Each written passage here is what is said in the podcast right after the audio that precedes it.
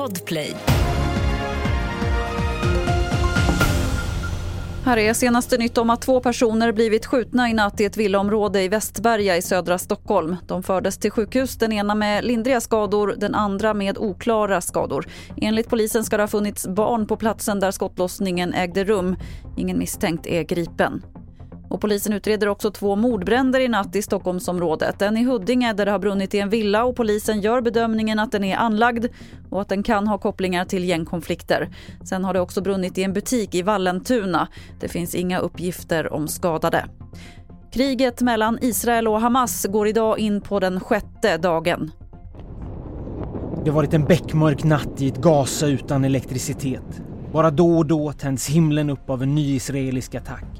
På sjukhusen dit skadade fortsätter att välla in är vatten och mediciner bristvara. Samtidigt fortsätter vittnesmålen från de överlevande i Hamas massaker i södra Israel, som av en del beskrivs som en blandning mellan Butja och Bataclan, att komma in. Enligt israelisk militär kommer en markoffensiv in i Gaza och ske, fortfarande oklart exakt när. Reporter här var Filip Jakobsson. Och fler nyheter det finns på tv4.se. Jag heter Lotta Wall.